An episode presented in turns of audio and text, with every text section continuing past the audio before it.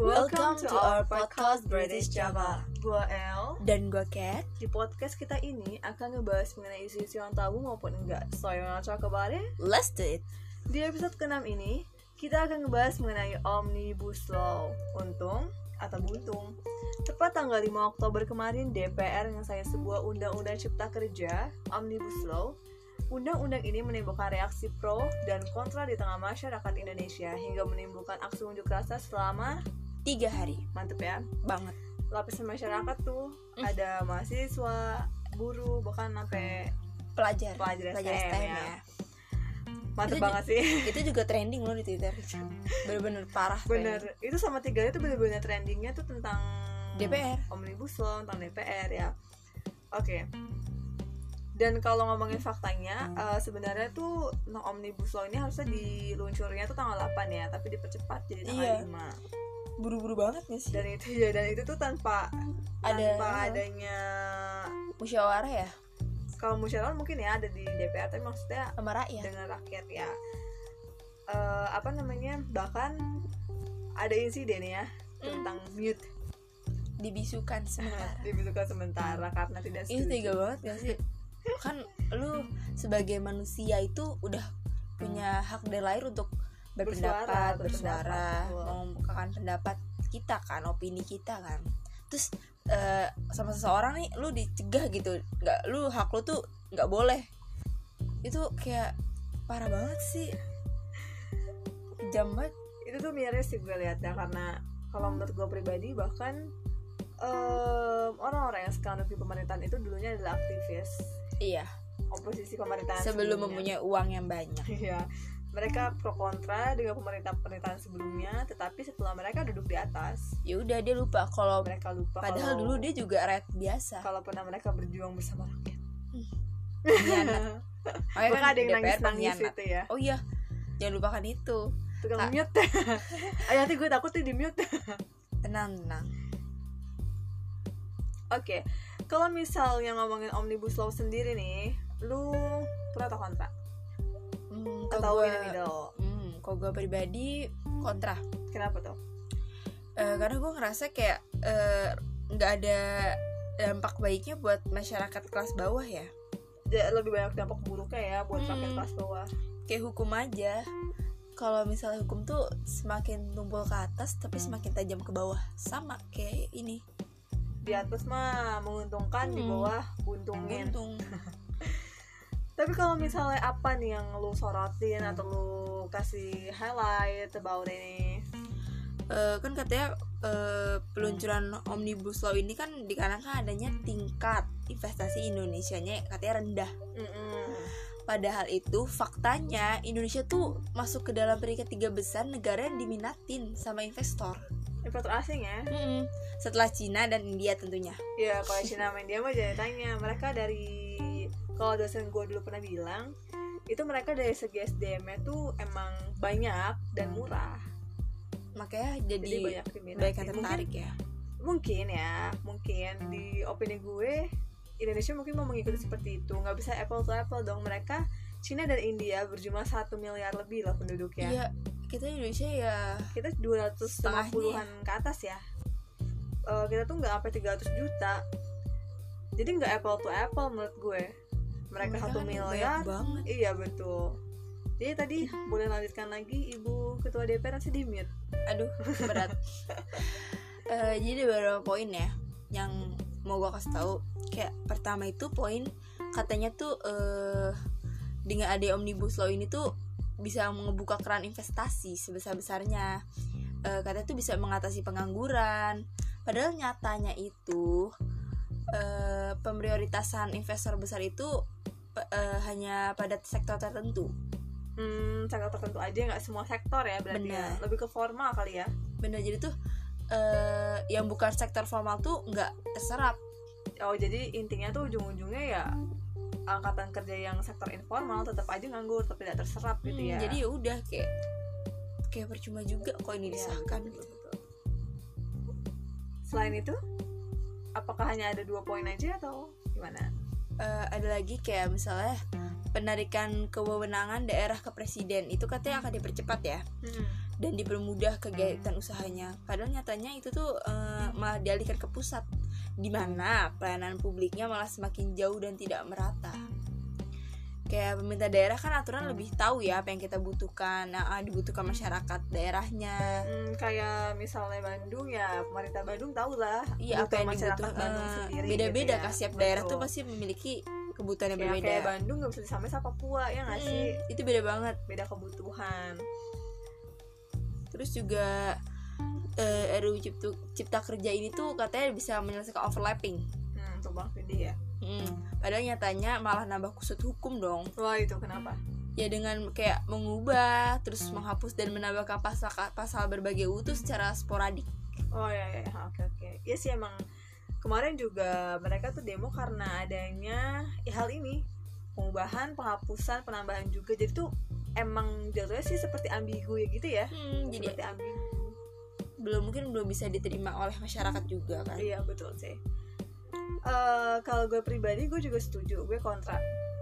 Karena gue ngeliatnya ya kita tuh lagian mas lagi masa pandemi gini, kenapa kita nggak fokus aja? Iya anehnya tuh gitu ya DPR untuk apa lu Betul. ngebahas eh, isi omnibus law ini tapi lu malah nggak ngebahas cara menyelesaikan covid itu gimana? Bener-bener, menurut eh, kalau menurut gue pribadi juga kayak gitu. Kenapa kita nggak fokus aja ngenain pandemi ini ya gimana Mm. cara ngatasinnya? Malah kemarin menterinya hilang, menteri kesehatan siapa tuh? Oh, Oh. yang di salah satu yang dipanggil sama Mbak Najwa ya? Iya Mbak Nana.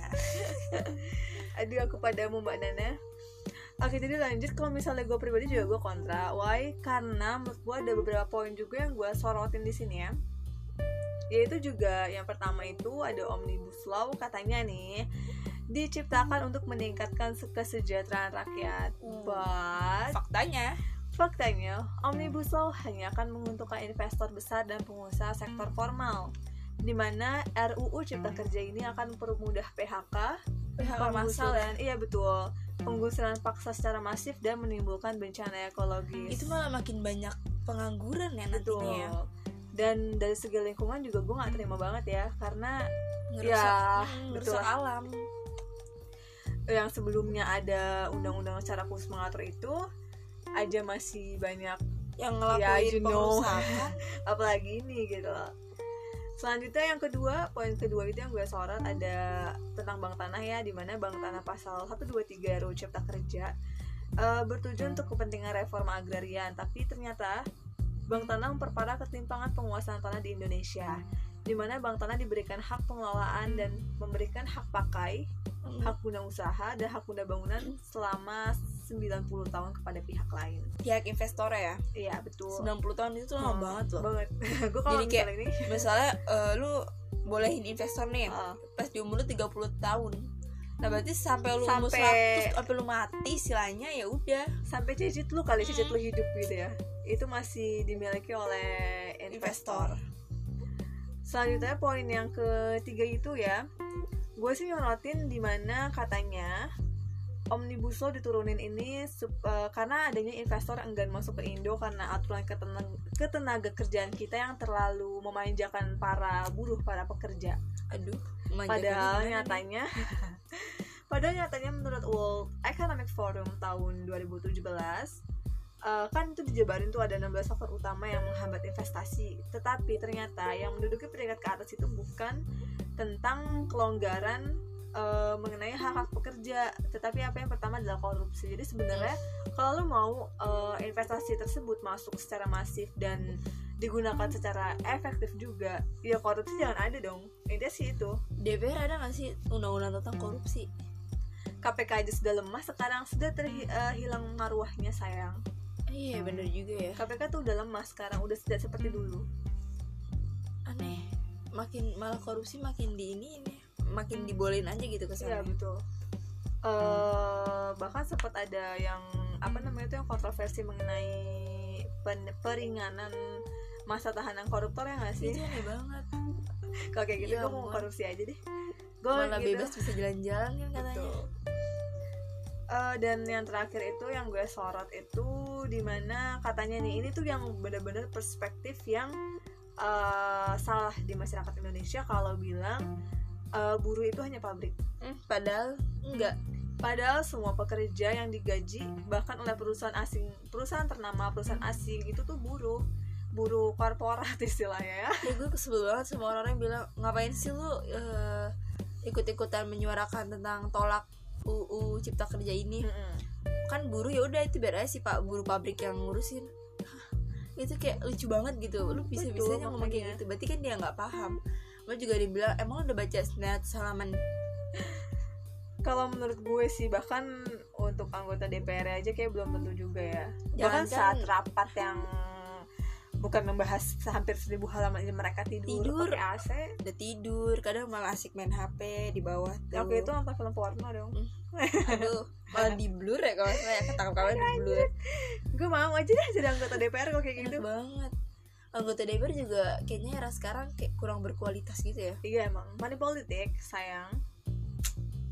Tapi gue perlu ngingetin lagi ya kalau misalnya eh, karena gue inget banget salah satu dosen di kampus gue dulu tuh yang pertama itu pernah bilang kalau misalnya politik itu nggak kejam, politik itu nggak kotor, tapi manusianya yang bikin politik itu kejam dan kotor. iya ya manusia pribadi manusia itu Iya sendiri betul. Masih banyak kok politikus-politikus yang baik, tapi emang jarang banget kebetulan ditemuin di era ini. Mungkin kita selanjutnya ya Hmm, amin tolong buat gue buat lu buat para aktivis teman-teman aktivis yang ketika nanti eh, di salah satu di antara kita atau mungkin kita bersama-sama duduk di DPR kita harus menyu- menyuarakan mewakili rakyat jangan seperti mereka yang Iya. dulunya aktivis sekarang duduk di atas sudah Hmm. lupa. Jangan lupakan kalau kalian itu pernah menjadi rakyat biasa. Iya, pernah berjuang juga bersama bahkan rakyat. waktu jadi, pas pas sudah menjadi DPR juga kalian rakyat biasa. Kalau Iya, misalnya betul. kalian pulang dari misalnya habis rapat gitu ya udah lu bakal kembali ke aktivitas normal kehidupan lu Betul. kan jangan pernah lupakan bahwa kita semua pernah berjuang bersama rakyat. Kan karena kita nggak ada yang tahu masa depan kita seperti apa kan? benar. Eh, bisa aja nanti kita duduk bersama-sama di DPR jangan ada mute mic di antara kita. Aduh parah banget emang nih anak nih. Tolong ya. Jadi sih itu aja sih yang empat poin yang gue sorotin ya. Karena omnibus ini tuh nggak berdampak kepada buruh tapi kepada semua yang dikerja dan di apa yang bekerja dan digaji oleh perusahaan. Itu di TikTok ada mbak kan yang masih make inian karyawan Batch karyawan tapi sosokan itu. Padahal dia juga buruh eh, enggak tenang aja dia udah klarifikasi minta maaf.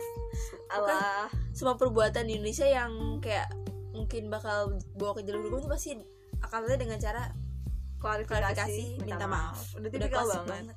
udah tipikal itu. Ngebadut mulu nih rakyat Indonesia akhir-akhir ini kerjaannya. Cukup para directioner aja ngebadut. Aduh malu saya malu.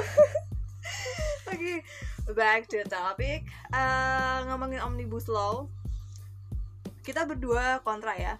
Hmm, Eh, karena kita kita di sini lebih ngelihat bahwa di lapisan masyarakat bawah itu lebih merugikan ya dibanding ke masyarakat yang atas. Bener kalau misalnya lanjut ya. Kalau misalnya ngomongin unjuk rasa nih uh seru banget demo demo nih. Iya kemarin tuh sebagai heboh banget. mahasiswa saya pernah berdemo aku belum berdemo kamu.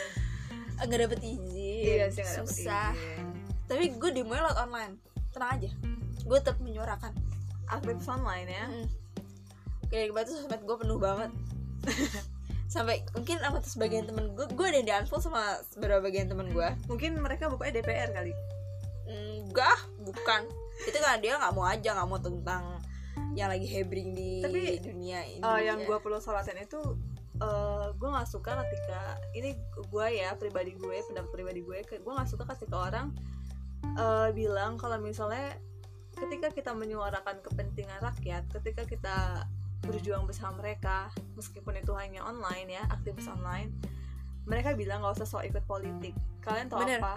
Apa udah baca itu draft yang hampir seribu halaman bisa nggak kita balikin aja? Apakah DPR juga sudah baca itu semua hampir seribu halaman? Sudah paham betul-betul sampai mereka berani ngetok palu gitu? Eh, gue juga suka sama pendapatnya BMUI ya. Oh, di iya, sosialnya dia tuh ada bilang katanya takut ah menyampaikan pendapat terkait omnibus law ciptaker Mm-mm. politis banget sih. Takut ah dukung copot Menkes Terawan. Yang tadi gue bilang. Oh jabatan yang gitu kursi kosong ya terus ke kalau menurut BMUI itu bilang gini kawan-kawan berpolitik itu adalah sebuah keniscayaan setiap sikap kita adalah sikap yang politis. Politik bukanlah hal yang jauh dari kita, ia dekat dengan kita. Tak hanya milik para pejabat publik, tapi semua bagian masyarakat. betul Itulah dia pentingnya untuk bicara dan menolak. Anak muda nggak boleh politik-politikan katanya. Mahasiswa adalah penyambung lidah rakyat dengan pemerintah. Mahasiswa katanya harus netral. Itu salah. salah banget sih Politik adalah milik kita. Netral itu bukan jawaban. Berpihaklah. Kalau misalnya kita nggak berpihak, lalu pada siapa kita berpihak? iya betul betul betul itu juga ngingetin gue sama kata-kata quotes dari Desmond Tutu di mana kalau misalnya kita netral di dalam situasi ketidakadilan berarti kita sudah mengambil sisi si yang berkuasa yang bersewenang-wenang jadi kita harus emang harus kalau dalam situasi yang gak bagus kita nggak boleh netral itu sih intinya kadang netral emang bagus tapi di situasi yang tertentu itu tidak bagus Gue juga kadang selalu sama yang bilang, kenapa sih harus demo? Kenapa nggak dengan baik-baik? Sekarang gini, eh, ruang mendengarkan suara tuh udah nggak ada di Senayan kan? bahkan sesama temennya aja di mute mic-nya makanya aneh banget kalau dia bilang rakyat kalau dia bilang bicarakan baik-baik ya masa kita ajak ngopi di Starbucks? Mana mau sih dia? Temennya aja di mute. Tapi ya, lu gimana nih ngomongin unjuk rasa yang berakhir ricuh kemarin? Opini lo tentang hal ini gimana? Kan banyak tuh yang bilang eh, unjuk rasa gini banget sih ngerusak fasum fasilitas umum Loh. halte. Jadi negara tuh terbelakang banget jadi negara maju kek. Ih padahal negara maju kayak misalnya Amerika yang Perancis. Masalah BLM kemarin ya? Iya kayak Perancis terus Hongkong itu lebih parah demonya bener-bener ngerusak kayak mobil polisi pun dibakar. Ini kemarin nggak ada kan bakar-bakaran mobil polisi? Iya nanti bisa dituntut atau nanti langsung playing victim. Iya betul. Pad- eh, ada juga sih konspirasi yang bilang gue liat di TV menurut TNI itu TV lokal? Hmm, ya tapi ini mungkin dia netral atau apa? Medianya tidak terlalu ke arah pemerintah ya? Hmm, jadi TNI bilang katanya kalau misalnya yang merusak fasilitas itu bukan mahasiswa atau buruh atau pelajar. Karena tuh eh, kan ada foto-fotonya ya. Itu bukan seorang mahasiswa buruh atau pelajar. Karena beda banget mungkin itu tahu sendiri. Yang ditumpangi. Iya karena emang politik begitu. Eh, Seperti apa ya? Seperti hukum rimba. Membunuh atau dibunuh. Ya gak sih? Iya Sumpah itu aneh banget kalau ada yang bilang ngapain sih demo-demo rusuh-rusuh? Padahal sekelas negara berkem eh, negara maju itu tuh demonya kayak Betul. gitu. Nggak Kemarin peduli. yang US Yang masalah BLM aja tuh bener-bener toko dijarah Hancur. Demo tuh tuh nggak peduli. Mau eh, nggak peduli kayak negara berkembang atau negara maju asal kalau pemerintahnya nggak bener ya udah lu Iya, pasti bakal di demo harus siap. Dan lu Betul. harus siap di demo. Karena suatu apa ketika kita menjadi pemimpin kita harus siap dikritik. Ketika kita nggak siap ketika kita nggak mau dikritik berarti kita bukan pemimpin. Bener terus kalau misalnya nggak mau ada demo ya udah lu ke Saudi Arabia ya sana. Dia nggak ada demo sama sekali. Ya iya orang kerajaan tuh neng. Bahkan sekelas Inggris pun yang kerajaannya itu tetap ada. Bener bahkan yang masa Brexit itu kemarin sempat ricuh Demo juga. ya? iya betul. Sempat ricuh. Tapi nih ya kalau misalnya ngomongin unjuk rasa yang berakhir ricuh kemarin yang di up ke media itu ha, sisi buruknya aja ya. Dari para pendemo yang katanya ngerusak fasum, perusuh dan sebagainya. Padahal banyak yang lepas dari kacamata, kacamata media bahwa pendemo itu juga korban. Bener eh, bahkan eh, apa ya namanya jurnalis yang independen jurnalis-jurnalis bahkan jurnalis kita deh yang ikut demo itu kan kita bertindak sebagai Ah. jurnalis juga ketika kita hilang. me- apa namanya menyebarkan apa yang terjadi secara langsung di sana itu bertolak belakang dengan apa yang disampaikan di media. Itu menurut lo gimana nih? Kalau menurut gue namanya media pasti dia bakal mihak ke pemerintah yang baik-baiknya ya. Udah nggak rahasia lagi sih kalau misalnya buruknya ya kayak aksi ini nih ya udah yang disalahin pasti yang pendemonya kayak mahasiswa atau pelajar atau buruhnya Eh, padahal tuh lu tahu kan kampus Unisba itu tuh diserang sama Isilop itu Oh, iya. parah. Itu yang beredar video Dile- dilemparin batu tapi dia nggak ngaku. Unit unitnya mereka tuh nggak ada yang ngaku. Katanya bukan gue bukan gue. Jelas-jelas itu mereka. Ada rekaman CCTV-nya dan juga dia nyerang rumah sakit. Rumah sakitnya nggak boleh diserang itu kan eh, jadi masih tuh ada yang lari ke situ karena yang di perlindungan karena kena gas air mata. Dia ke situ dong eh malah dihancurin kayak malah ngerusakin gitu. Dan itu nggak ngaku. Di proses hukum pun juga kayak nggak akan selesai. Ah nggak akan. Sudah hilang meluap eh ketika apa namanya pendemo yang merusak fasum seperti dijadikan benar-benar jelek. Bahkan itu kita nggak tahu itu pendemo yang rusak atau bukan. Bisa Benar. saja itu provokator. Mm-mm. ada emang kan sesuatu. ada yang ditumpangi provokator iya kan? betul. Eh, ada juga nih kakak kelas gue dulu sekarang dia jadi isi lop Hah? ya ampun lagunya minta ampun bener-bener kayak eh, sampai bikin caption dia ngapus foto terus eh, bikin captionnya gini di instastorynya. Misi menantu idaman mamamu mau lewat. Mm, mohon maaf. Emak gue nggak nggak menantu idaman bukan kayak lu kan? Iya kayak apa sih anjir? Nggak Nggak semua betul. nggak semua perempuan itu melihat bentuk seragam bener. mengidolakan seragam. Itu enggak kayak misalnya kayak gue misalnya lu juga kan? Karena gue pribadi lebih suka otak. Biasa bener biasa aja gitu. Ini tuh bener-bener belagu terus dia tadi pagi itu kalau nggak salah kiri kena masalah deh. Nyenggol eh yang lain nih nyenggol persatuan yang lain oh I Hmm. know. Bukan islop juga ya? Bukan. Satunya beda. lagi ya? Lagi. Dia kayak ngata-ngatain gitu kayak ngoceh sendiri-sendiri. Tiba-tiba gue kan udah nge SS karena gue kayak iseng aja gitu. Kalau aja kalau dia nyenggol gue waktu bisa gue tunjukin eh lu kayak gini nih. Eh hilang gak lama. Storynya dihilang-hilangin semua dan post-postnya dihapus. Foto profil IG-nya pun dihapus jadi putih. Postingan nol. Storynya nggak ada kayak akun baru gitu ya? Baru. Dia bener-bener eh, bener-bener kayak misalnya kalau ada yang ngerendahin islop dikit atau cuma nyenggol islop dikit langsung di apa langsung dikata-katain sama dia. Langsung kayak paling berkuasa ya ampun berarti jadi islop tuh baru mungkin dua atau tiga tahun. bukan petinggi ya? Bukan aduh.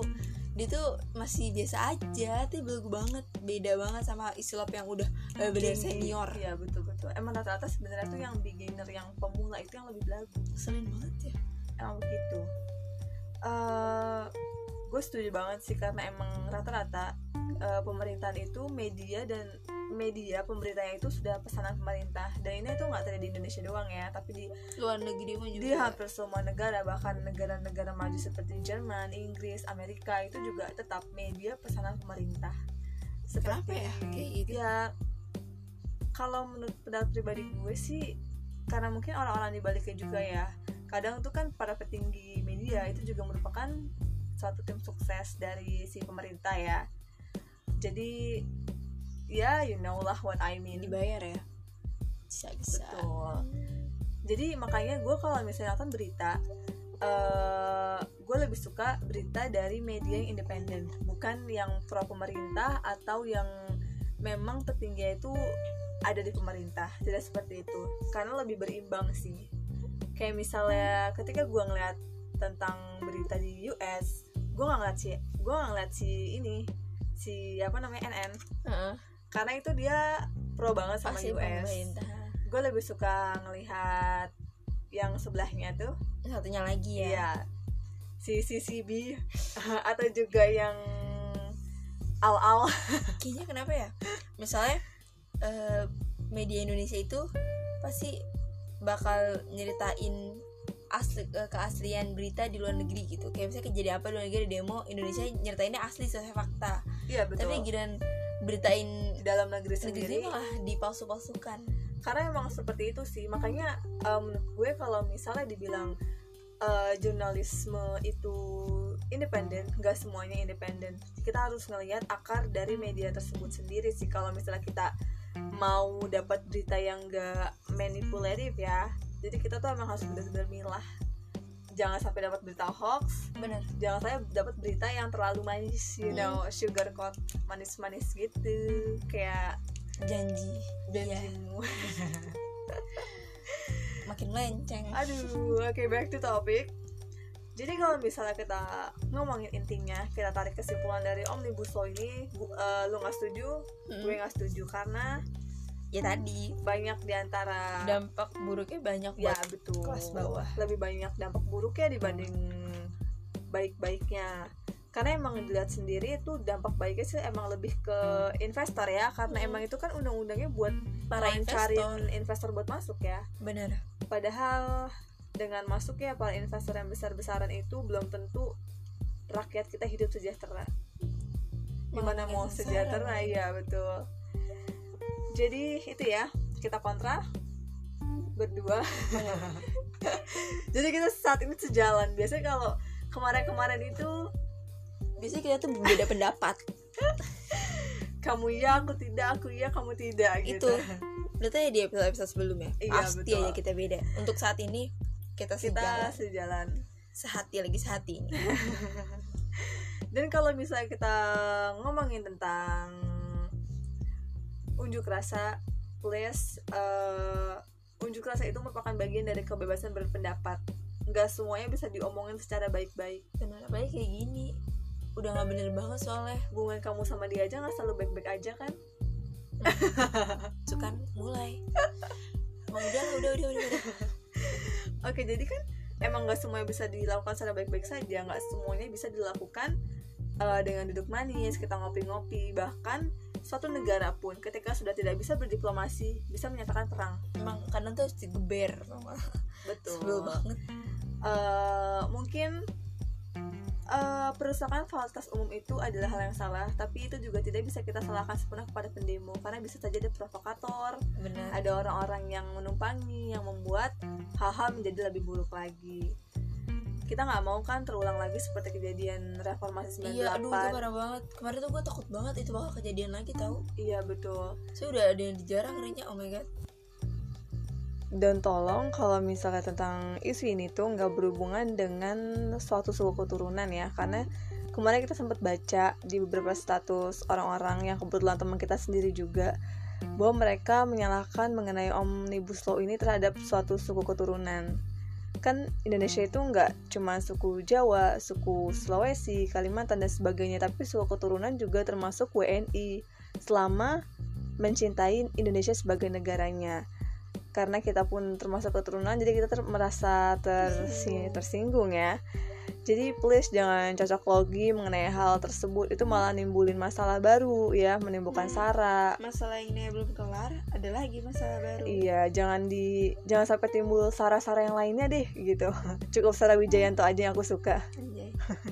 Eh anjayani maksudnya? Eh, jangan ngomong itu. Eh udah boleh ya nggak tahu sih tapi yang yang kemarin larang dia ngomongnya anjayani oh ya udah ada punya lagu loh hmm eh, pansos yang berhasil ya jelas kan dia kemarin juga nggak bela Oh iya, lupakan hmm, pengkhianat rakyat. Oke, jadi intinya sih itu aja. eh sepertinya sekian dulu dari British Java Podcast. Gua El. dan gua Cat See you next time. bye bye